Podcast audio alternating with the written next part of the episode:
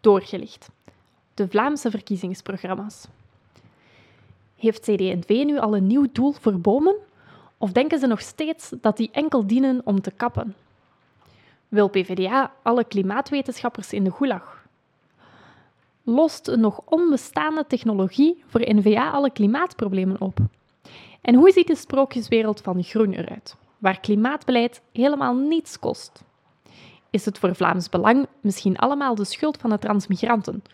Of toch maar van de Europese Unie? Wil Open VLD luchtvervuiling privatiseren?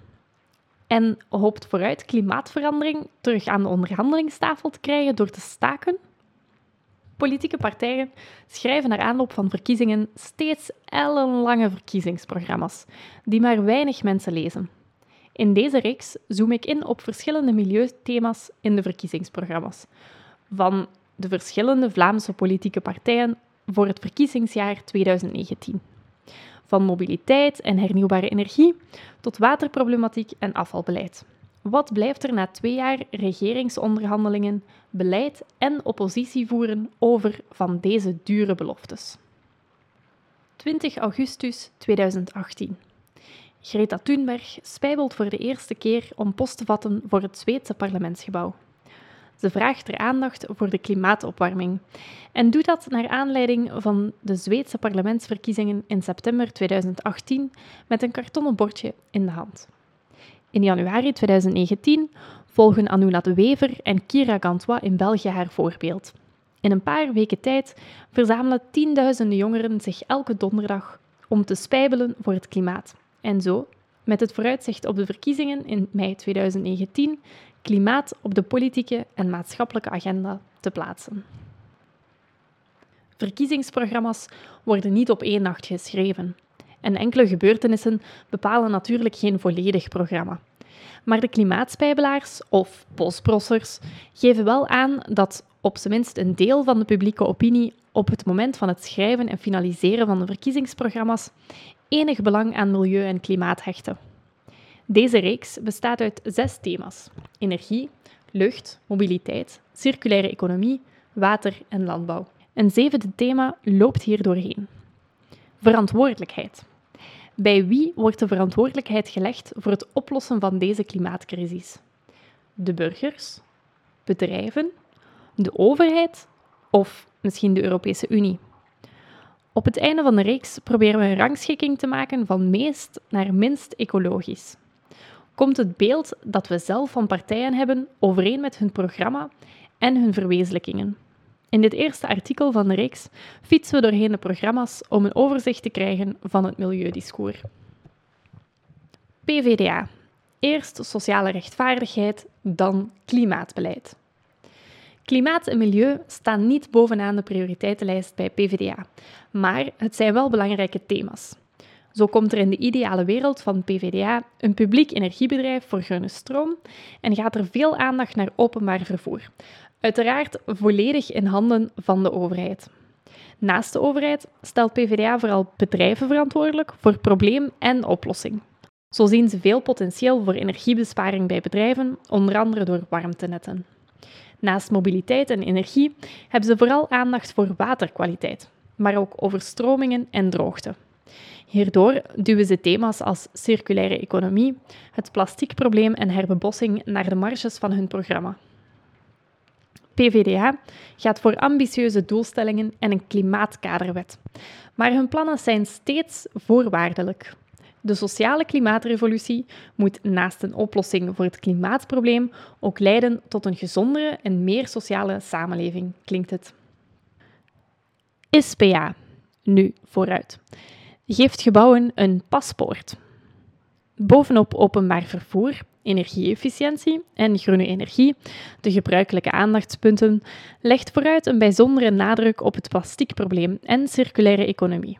Daarbij beperkt ze zich niet tot praatjes over sorteren en recycleren, al ontsnappen we daar niet helemaal aan. Van eigendom naar diensten zal vervolgens vooruit leiden tot nieuwe verdienmodellen binnen een herstel- en deeleconomie, met ideeën als productdatabanken en gebouwenpaspoorten. Ook voor herbepossing, biodiversiteit en de betonstop wordt ruimte gemaakt in hun programma, wat ten koste gaat van aandacht voor waterbeleid. Vooruit legt net als PvdA de schuld van milieu- en klimaatproblemen bij bedrijven. Maar ze kijkt voor een oplossing ook een beetje naar de burger en niet uitsluitend naar een allesomvattende overheid.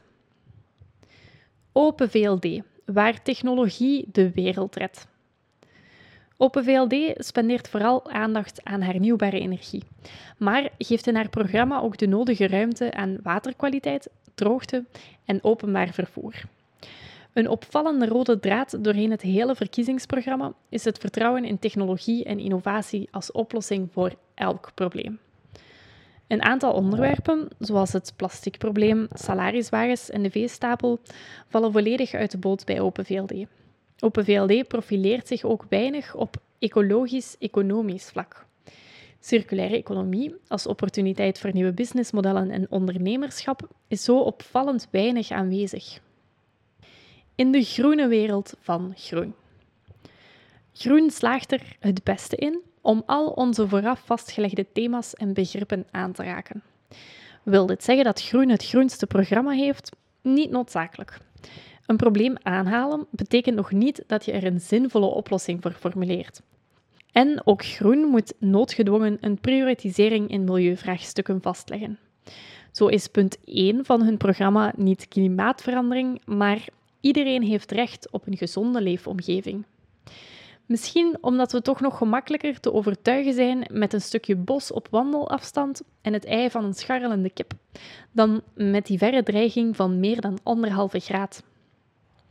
De aandacht van groen voor het milieu verslapt wel bij zwerfvuil en statiegeld. Deze onderwerpen zijn niet geheel afwezig, maar in vergelijking met andere partijen toch eerder beperkt. Of krijgt zwerfvuil en andere programma's misschien gewoon te veel aandacht. CD&V of de Groen 2.0. CD&V zit groen op de hielen wat betreft de waaier aan milieuthema's die ze behandelen in hun programma. Groene energie, renovatie en energieefficiëntie zijn duidelijke speerpunten in hun milieubeleid. De goedkoopste energie is deze die nooit verbruikt is geweest, klinkt het bij de CD&V. Opmerkelijk is de steeds terugkerende koppeling met gezondheid, die duidelijk als verkoopsargument naar de burger toe wordt gebruikt. Landbouwbeleid en de veestapel zijn wel aanwezig in het CD&V-programma, maar niet op de manier die een groene burger zou hopen. Pleiten voor het afbouwen van de veestapel zou voor de achterban van de CD&V waarschijnlijk niet verteerbaar zijn. En hun pleidooi voor circulaire landbouw lijkt dan ook eerder een groen laagje eerder dan een inhoudelijke kentering. NVA, redder van de biodiversiteit. NVA staat gekend veel belang te hechten aan technologische innovatie als oplossing voor het klimaatprobleem. En inderdaad, naast groene energie, openbaar vervoer en luchtkwaliteit wordt in hun programma ook vaak de spotlight gezet op technologie en innovatie. Ook aan waterproblematiek en circulaire economie spendeert NVA ruime aandacht. Zelfs gevoelige thema's als de betonstop en salariswagens krijgen een plaats in hun verkiezingsprogramma. Minder bekend is het standpunt van NVA over biodiversiteit. Hoewel ze het thema meer aanhalen dan andere partijen, vinden we maar weinig concrete maatregelen die onze uitstervende fauna en flora van de ondergang moeten redden. Ook over thema's als statiegeld en duurzame landbouw en visserij blijven we op onze honger zitten. Vlaams Belang. Que sera. Milieu- en klimaatthema's worden in het verkiezingsprogramma van Vlaams Belang veel minder aangehaald dan bij andere partijen. Al valt er wel iets te zeggen voor een verkiezingsprogramma dat niet probeert voor alles een oplossing te zoeken, maar dat zich focust op bepaalde delen van een probleem. Zo slaagt Vlaams Belang erin te verrassen op vlak van openbaar vervoer. Dit thema krijgt veruit de meeste aandacht met voorstellen als een nachtelijk openbaar vervoersaanbod. De partij is ook te vinden voor een vorm van statiegeld en een betonstop. Ondanks deze positieve noten vinden we bij Vlaams Belang geen bruisend en ambitieus klimaatbeleid. Hoe serieus zet een partij in op openbaar vervoer als het terwijl pleit voor positieve stimulansen voor het autoverkeer? En hoe los je als partij milieuproblemen op als je het merendeel van de problemen minimaliseert, negeert of zelfs ontkent?